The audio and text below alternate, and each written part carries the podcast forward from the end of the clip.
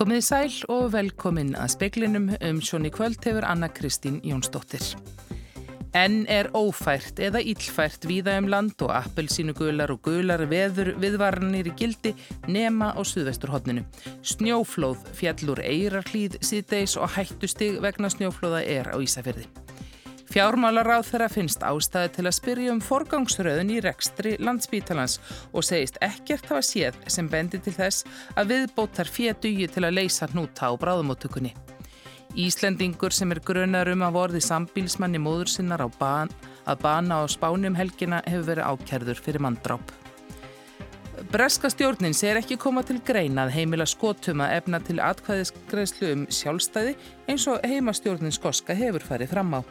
Og framkvæmdastjóri samtaka lífeyrisjóða segir að miklar skerðingar almanatrygginga drægi úr tiltrú fólks á lífeyrisjóðakerfinu.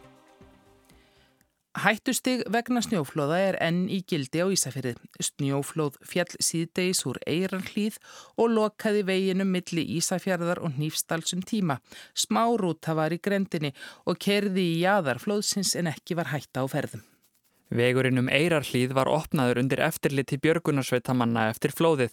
Gert var ráð fyrir því að loka honum aftur nú klukkan 6 og opna ekki fyrir en veðurstofan hefur metið aðstæður á morgun. Þá er einnig búist við að loka verðum skutulsfjörðarbraut. Það er í grend voru yðnaðarhús rýmt síðdeis í gær vegna snjóflóðahættu. Þá hefur íbúum á einum sveitabægi Bólungarvík verið ráðlegt að dvelja á örugari stað á meðan óvissustíð varir. Opið er á milli þjattbílistaða á sunnanverðum vestfjörðum en víðast lokað eða ófært á norðanverðum fjörðunum. Veðrið hefur haldið áfram að hafa áhrif á samgöngur í dag eins og síðustu daga. Nú á sjötta tímanum var þjóðvegi eitt um holtaverðu heiði lokað. Einni er lokað um Mósfellsheiði en óvissustíð er ekki lengur í gildi á helliseiði og þrengslum. Ófært er á sunnanverðu Snæfellsnesi og á Norðurlandi er lokaðum Öksnandalsheiði, Vaskarð, Þverárfjall, Siglurfjörðarveg og Ólásfjörðarmúla. Austar er Vopnafjörðarheiði lokuð. Á söðu-austurlandi er lokað frá Höfn og að Kirkjubæðaklaustri og á söðurlandi er lokað undir Eyjafjöllum vegna óveðurs.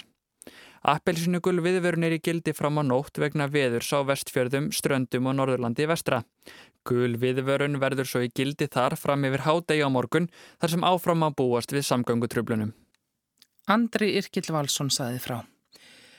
Bjarni Bendiktsson fjármálar á þeirra telur tilefni til að spyrja um forgangsröðun í rekstri landsbítalans og hvers vegna viðbótar fjármagn síðustu ára hafi ekki gagnast til að leysa hnúta á bráðamóttökunni. Mikið hefur verið fjallað um vanda bráðadeildarna síðustu vikur. Ímsar stjættir spítalans hafa sendt frá sér yfirlýsingar þar sem neyðar ástand er sagt ríkjaður. Stjórn Læknaráðs landsbítalans kallaði síðustu viku eftir því að fjárveitingar til spítalans yrðu verðu auknar. Ég hef engar upplýsingar séð sem að sína fram á það að vandi bráðadeildarinnar verði leistur með viðbótar fjármagni. Þetta er auðvitað flókin rekstur, það kemur margt til, við erum í miðjum, um, miðjuferli við að byggja nýjan spítala, við stöndum líka í kjærasamningum og þetta er stærsti vinnustæður hjá hennu ofnbæra en ég held að það verði ekkert síður að spyrja að stjórnunulegum þáttum hvernig mann spila á þeim fjármunum sem mann hafa heldur en hinn og hvort að ég halda áfram að bæti í saði Bjarni Bendiktsson fjármálar á þeirra. Nánar verður fjallaðum landsbytalan síðar í speklinum og í sjónvarpsfréttum klukkan sjö verður rætt við Pál Mattíasson, forstjóra spítalans. Guðrún Lísbeth Níelsdóttir verkefnastjóri fyrir viðbræðs áallanir landsbytalans segir að sjókrósið verða geta tekið á móti slösuðum úr hópslýsi þrátt fyrir krefjandi aðstæður á spítalanum. Slýs hafi orðið á undanföllnum árum sem spítalin hefði átt að geta ráði við án þess að kalla út auka mannskap. Að það hafi orðið slýs á undanföllnum árum sem að e, svona í gegnum tíðan að við hefðum átt að geta tekist á við án þess að virka eitthvað auka viðbrað en við höfum samt þurft að gera það. En það er náttúrulega ekki, spurningin er sem sagt ekki getur við tekið við, heldur hvernig getur við tekið við því við þurfum að taka við. Það er ekkit umnætt annað að ræða. Guðrún segir að landsbítalinn sé með samninga við útlöndum að hinga berast aðstóð ef spítalinn ræður ekki við aðstæður en hún skilir sér ekki á auga bræði. Landsbítalinn þurfi því að geta tekist sjálfur á við atbyrði marga klukkutíma, jafnvel daga. Aldrei hefur þurft að draga úr þjónustu vegna hópslýsa eða heilbriði starfsfólk þurft að velja á milli sjúklinga en starfsfólk óttast að til þess geti komið. Ef við þurfum að velja á milli einstaklinga hver á að fá meðferðir, hver getur farið í skurðagerð, annarkort verður að taka þennan eða þennan. Er það þessi sem kemst í tölvisnefndina eða þessi ekki? Skilurum við, verður þessi að býða frammi meðan við sinnum þessum og erum við að taka réttar ákvarðanir. Þannig að, að þá ef við færum í algjört krísu ástand þar sem við þyrtum að takmarka meðferðir, það eru þess konar ákvarðanir sem ég er að minna. Það, það vil alltaf enginn standa frammi fyrir þeim raunveruleika mm. og, og hérna þetta óttast það allir að það komi til þess. Já, ég gerði það allavega. Sagði Guðrún Lísbeth Níelsdóttir við Ragnhildi Torlasíus í samfélaginu á Rás 1 í dag. Fertugur íslensku karlmaður sem grunnaður er um að hafa orðið sambílismanni móður sinnar að bana í Torri Vieja á Spáni aðfarnótt sunnudags var í dag ákerður fyrir manndráp. Þetta staðfesti Beatriz García upplýsingafulltrúi lögurglunar í Alicante.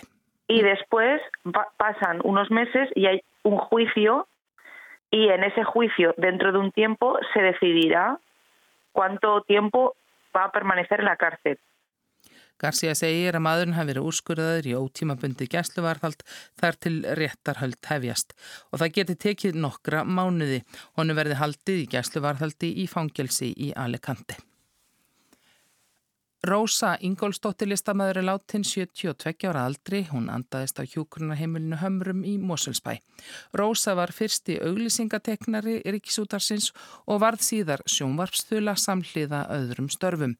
Æfisaga hennar Rósumál kom út árið 1992 og þegar bókin kom út var Rósa sögð vera þjóðsaga í lifandi lífi. Hún hefði haft kjark til þess að segja skoðanir sínar á mönnum og málefnum hispurslöst. Breska stjórnin segir ekki koma til greina að heimila skotum að efna til atkvæðagreðslum sjálfstæði eins og heimastjórnin hegst gera. Fyrsti ráð þeirra stjórnarinnar segir að viðbörðun hafi ekki komið á óvart íhaldsflokkurinn sé að neyta skotum um líðræði. Stjórnvöldi í Lundunum svöruðu formlega í dag áformum skosku heimastjórnarinnar um að efna til atkvæðagreðslu um sjálfstæði síðar á árinu.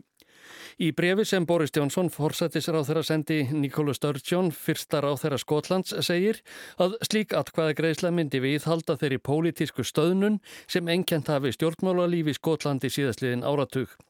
Þá minnir hann á að Nikola Sturgeon hafi sjálf líst við yfir að til slíkrar atkvæða greiðslu eigi einungis að efna einu sinni á mannsaldri. Sturgeon sagði á Twitter að viðbröðu breska fórsættisar hans kemur sér ekki á óvart. Breski íhaldsflokkurinn væri að neyta skotum um líðræði. Röksendir Borisar Jónsons væru fyrirsjáanlegar, forgengilegar og með vonleisist tóni. Skotar hefðu að sjálfsögðu leifi til að kjósa um sjálfstæði. Sturgeon hverst ætla að kynna næstu skref heimastjórnarinnar í málinu fyrir mánadamót.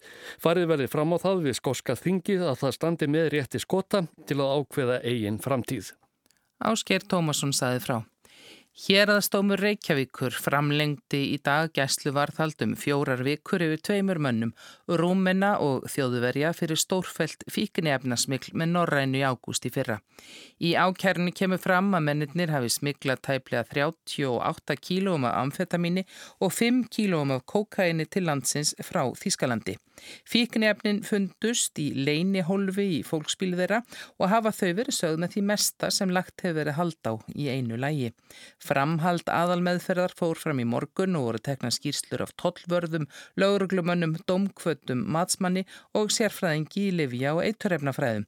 Aðalmeðferð var fresta til 50 dags vegna veðurs, tvö vittni komist ekki með flugi frá eigilstöðum. Danskir fjölmiðlar reyna nú eftir fremsta megni að lesa í það hvort Guðmundur Guðmundsson, landsliðstjálfar Íslands, hafi enn hodni síðu fyrirverandi félaga sinna. Rekin sem landsliðstjálfari og nú á hann að bjarga Danmörku, segir á forsíðu danska blaðsins BT. Stungin í bakið eftir olimpíugull, nú hefur hann örlög dana í höndum sér, segir á VFDR. Guðmundur tók við danska landsliðinu árið 2013 og stýrði því til sigurs á olimpíuleikonum í Ríó. Síðar kom í ljós að Ulrik Víbek, fyrirverandi þjálfari liðsins, hafi reynd að fá stöðning leikmana til að láta reka Guðmund meðan á leikonum stóð. Og nú er það Íslendingar undir stjórn Guðmundar sem hafa örlög dana í höndum sér. Takist Íslandi að leggja ungverlandað velli og dönum að vinna rúsa með tveimur mörgum komast danir áfram. René Toft, leikmaður Dana, segir í viðtalið við DR að hann hafi enga trú á því að Guðmundur vilji gera dönum einhvert grikk og Rasmus Láke segist vona að Íslandingum finnist skemmtilegra að taka tvö stygg með sér í milliriðil en að sjá Dani falla úr leik. Blaðamæður Berlínske segir engan hemdarþorsta hjá Guðmundi hafi slíkur þorsti og annað borð verið fyrir hendi hafi honum verið svalað með sigrinum á dönum í fyrsta leiknum. Íslendingar vilji taka tvö stygg með sér í milliriðilin og muni því leggja allt kappa á að leggja ungverja að velli. Freyr Gíja Gunnarsson tók saman.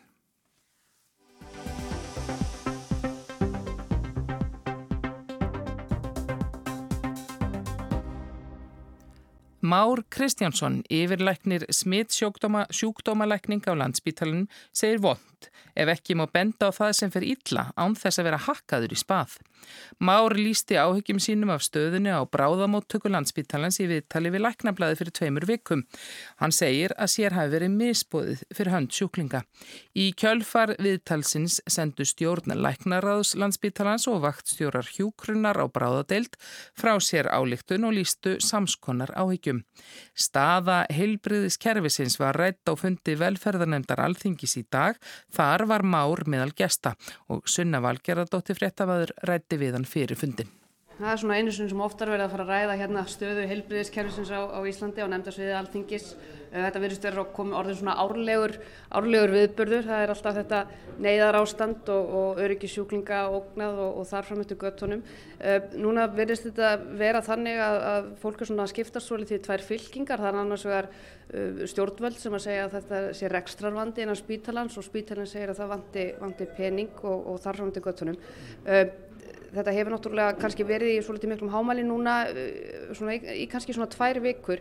Hvernig finnst þér viðbröð stjórnvald að hafa verið við þessari, þessu ástandi sem hefur til dæmis skapast núna á bráðamóttökunni uh, undanfarnar vikur? Ég sko þessi, þetta vandamál er, eða þetta viðfónsefni öllu heldur er bara bísna flókið og það er ekki nýtilkomið. Þetta er rauninni svona uppsapnaða vandi til margra ára sem að í rauninni verður til þess að ég um, fyrir þetta viðtali í mitt fagtímaritt til þess að gera grein fyrir þeim kringumstæðin sem mér finnst ekki að vera bóðlegar. En sko það er náttúrulega þannig að, að sko það er allting íslendingar sem ákvarðar fjármunni til heilbriðiskerfisins og síðan er, eru lög og reglur og skipulagstofnana sem er fjallar um það hvernig er fjármunni með rástafað. Ég er hins vegar að kema þessu máli sem faglegu stjórnandi, faglegu millistjórnandi í stopnum sem heitir Landsbítali og sem slíkur að það, það ber, ber mér að fylgja í einn samfæringu, uh, starfa samkvæmt lækna eið og, og, og, og lögum reglum um heilbíðistjónustu og þegar að mér finnst vera, uh, þegar að mér er misbóðið fyrir hönd sjúklingana og samstagsmanna minna að þá ger ég sagt, eh, grein fyrir því á vettfangi hérna fagtímarins. Þú spyrð hins vegar sko hvað finnst mér um viðbröðin. Sko mér finnst þau aldrei tala fyrir sig sjálf. Það sé að það bendi hver á annan. En það er kannski vandséð hvort að það sé þessi ríkistjórn eða þetta alþingi eða, eða þessir eh, stjórnendur á landsbítalinn sem að núna er við völd beri ábyrða á þessu. Þetta er svona summa sumarium af langri vegferð og hingað erum við komin og, og, og þetta er þá viðfáðsefning dagsins. Finnst þér eins og til dæmis núna var Svandi Sváðstóttur Helbriðisáþra með, með fundi gær með, með læknum og, og starfsmönnum læknaráði uh, þar sem að hún í rauninni bað starfsfólkum að, að í rauninni vera með sér í liði, um, tala ekki um neyðar ástand og annars slíkt. Hvað finnst þér, hvað finnst þér um það? Hefur þú skilning á þessu? Ég, ég hef skilning á því að sko, heilbyrðisafðar er að reyna, reyna að gera goða hluti í stóra samhenginu. Það er komin heilbyrðistefna til 2030 og, og það er mjög margt gott sem að ráðuneytið er að gera eins og ég segi en það ber núverandi ráðuneyti ekki ábyrð á þessari stöðu sem hefur verið summa sumarium eins og við segjum en hins vegar verð ég að segja það bara frá mér persónlega að, að, að sko, ég hef staðið, stíðið fram þá er það þannig að, að það gríðala margt vel gert á landsbítalunum. Landsbítalun er að mörguleiti fyrirmyndarstofnun. þetta er stór mentastofnun, þetta er vísindastofnun og afbrast þjónustustofnun fyrir sjúklinga að mjög mörgu leiti en, en sko það er vond að ef að maður má ekki benda það sem að fer illa á þess að vera hakkaður í spað að þá er, það, þá er eitthvað að því kerfi. En, en sko ég er, hef verið starfandi læknir frá 1984 ég hef verið starfandi frá 1994 á, á landsbítalan og ég hef verið stjórnandi, ég hef verið í stjórnspítalans. Ég hef verið starfsmára gólfi. Ég hef verið leiðbennandi og kennari. Mér þykir mjög mænt um þessa stopnun og ég held að þetta sé einn merkjalastu stopnun landsins og kannski þó viðar verið leitað um, en hún er ekki fullkominn, það eru vandamál og ég held að við eigum að einhend okkur í því að laga þau vandamál sem að trubla starfseminna. Og er það, kannski mjög örstuðt, um, vandamálur sem trubla starfseminna uh, eðlilega beinast augun að bráðmóttökunni vegna þess að, að hún, bara, hún er þess eðlis. Mm.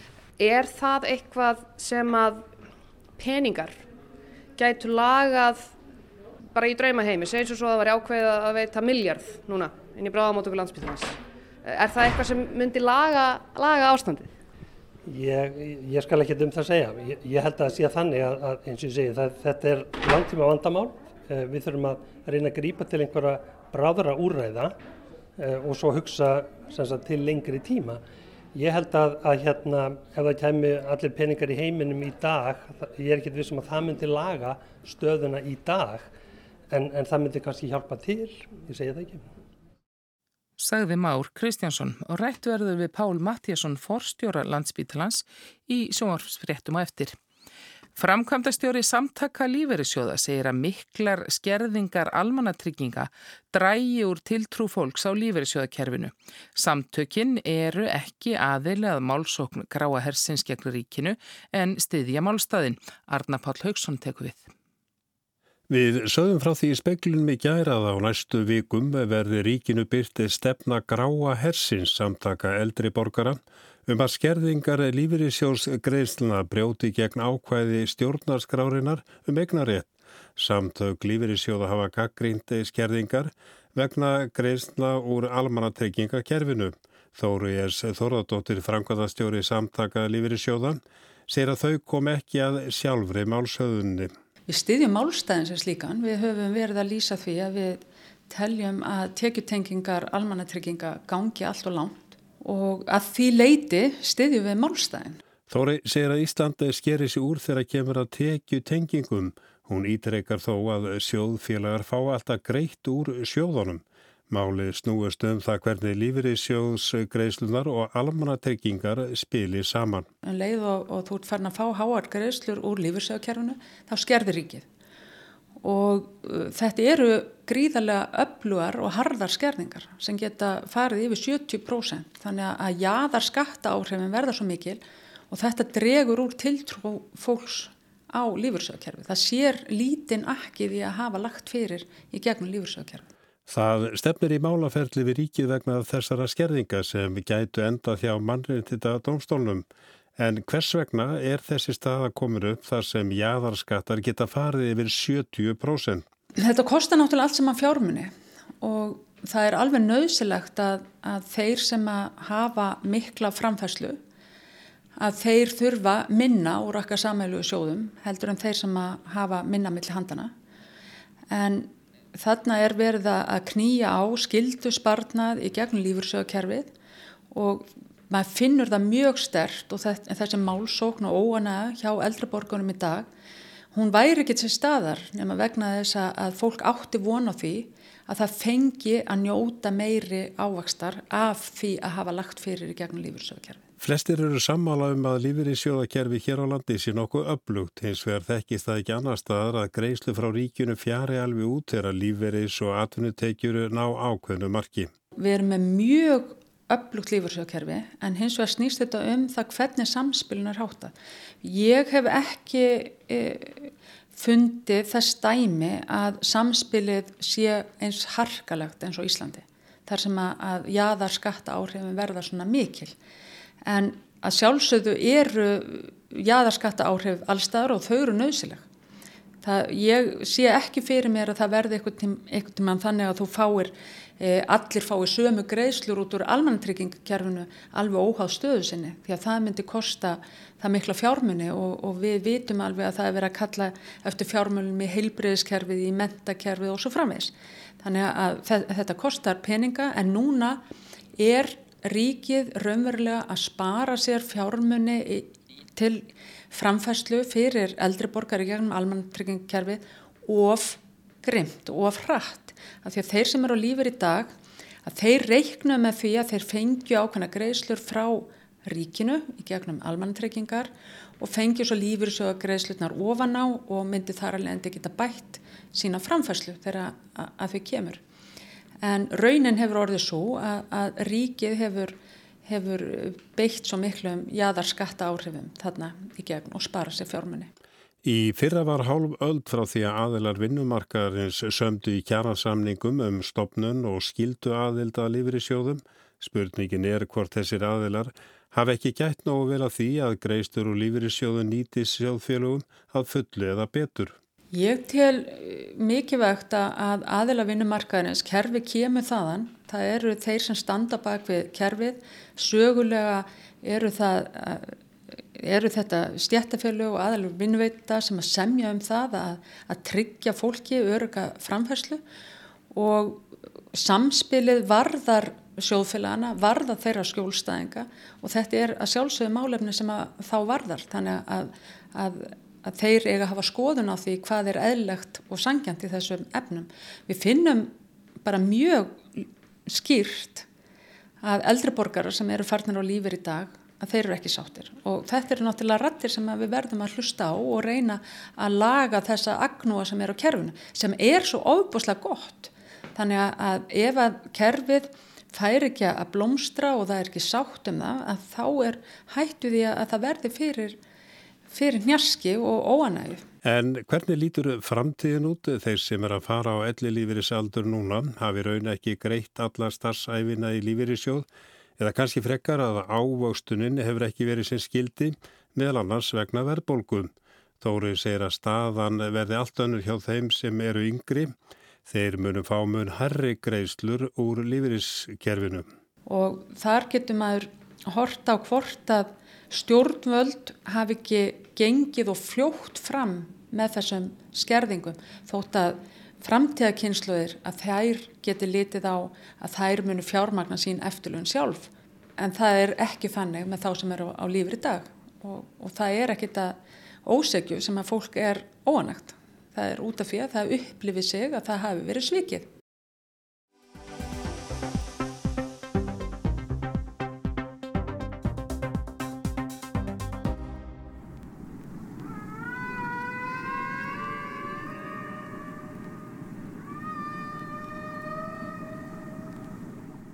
Á þrettandanum sá Leonardo Hernández Balbuena sjómaður fyrsta kval vetrarins við Capisamana í Dominíska líðveldunni.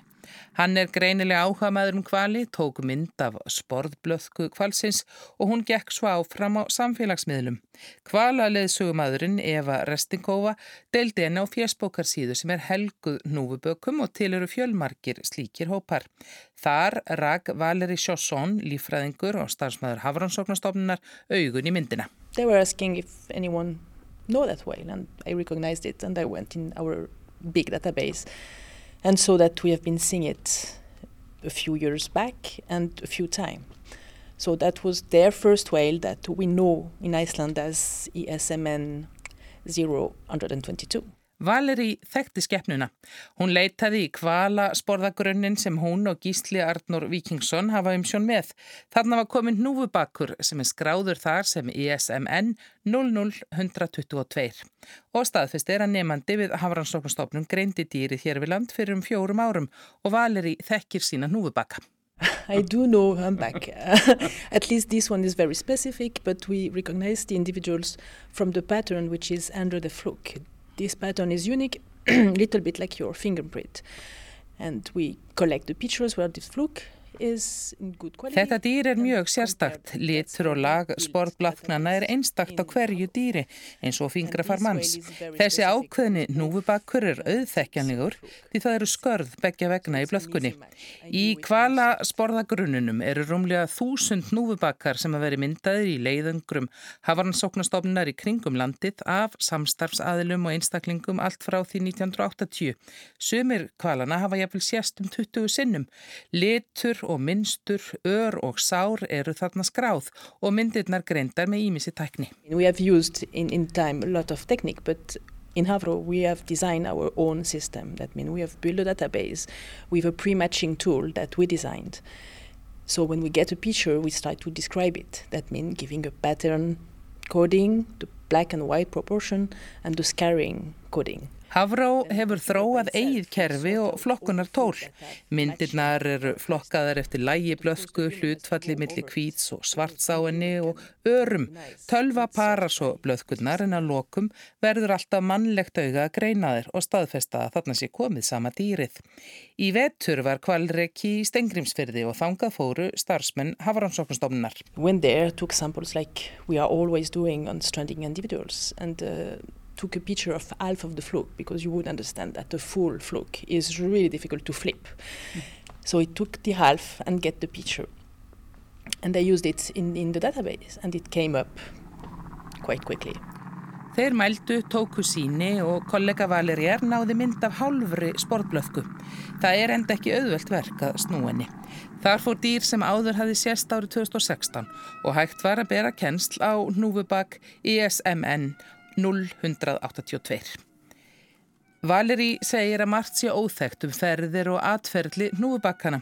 Þeir koma hinga norður og sömurinn, elda þá ætti en fara til ægslunastöðva við miðbögg, sitt hvoru megin við Allandshafið, í Karibahafi og á Grænhöfðægjum og veturna.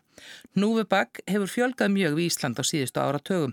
Hann sést ofta á loðnumiðum þó að fæðursamsetning þeirra hér við land sé nánast óþægt. Oft fara þeir einir saman en kálvar fylgja meðurum sínum í ættisleit til að ferð og þeir fara víða. They, they swim widely and they tend to come in the north, at least for the North Atlantic, in the north for the, for the feeding season. That's our summer and move south to the equatorial region in winter to get the warm water and for breeding. Auk kvala sporðagrunnsins hefur Hafrannsóknstofn líka mert dýr. Í fyrra sömar voru sjörnúfubakar til dæmis mertir í Arnarfyrði. Með gagnagrunninum og rannsóknum reyna vísindamenn að skilja og kortleggja ferðir kvalana, hvar þeir afla fæðu, hvað hefur áhrif á þá, hversu lengi þeir dvelja á hverjum stað og ægslununa svo nokkuð sín nefnt. Trying to understand the migration pattern of this whale, how they live, what are affecting their behavior their feeding, how long they stay, the mating, and everything like this. Havro have duties toward the young generation if we are not trying to organize the data we have here, and they are a lot. No one will be able to do it. We have to sort it out for them. Og Valeri segir að stofnunni beri skilda til komandi kynsluða til að flokka og greina það mikla upplýsingasafn sem Hafrannsóknastofnun býr yfir.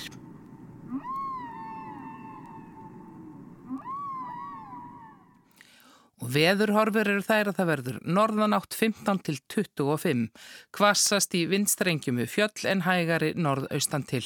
Ryggning á lálendi og austfjörðum en slittaði snjókoma um norðanvertlandið annars þurrt. Það dregur úr vindi og úrkomu í nótt og á morgun fyrst austan til, norðanlega átt víða 8 til 13 annað kvöld og dáli til jél en þurft á sunnanverðulandinu og hiti þá í kringum frostmark. Það verður stormur eða rók víðamland í dag, hríð eða stórhríð á vestfjörðum og norðurland í dag og á morgun en er ófært eða ílfært víða um land og appelsínugular og gular veður viðvarnir í gildi nema á suðvesturhóttninu. Það fjall snjóflóður eirarlýð síðdeis og hættustig vegna snjóflóðagildir enn á Ísafyrði. Fjármálar á þeirra finnst ástæði til að spyrja um forgangsröðun í rekstri landsbítalans. Hann segist ekki tafa séð sem bendi til þess að viðbútar fyrir dugi til að leysa núta á bráðamóttökunni. Íslendingur sem er grunaður um að vorði sambílismann í móður sinnar að bana á spánum helgina hefur ákjörður fyrir manndráp. Og breskastjórnin segir ekki koma til greina heimila skotum að efna til atkvæðagreislum sjálfstæði eins og heimastjórnin hefur farið fram á. Það er ekki fleira í speklinum í kvöld. Tæknum aðri útsendingu var Ragnar Gunnarsson. Veriði sæl.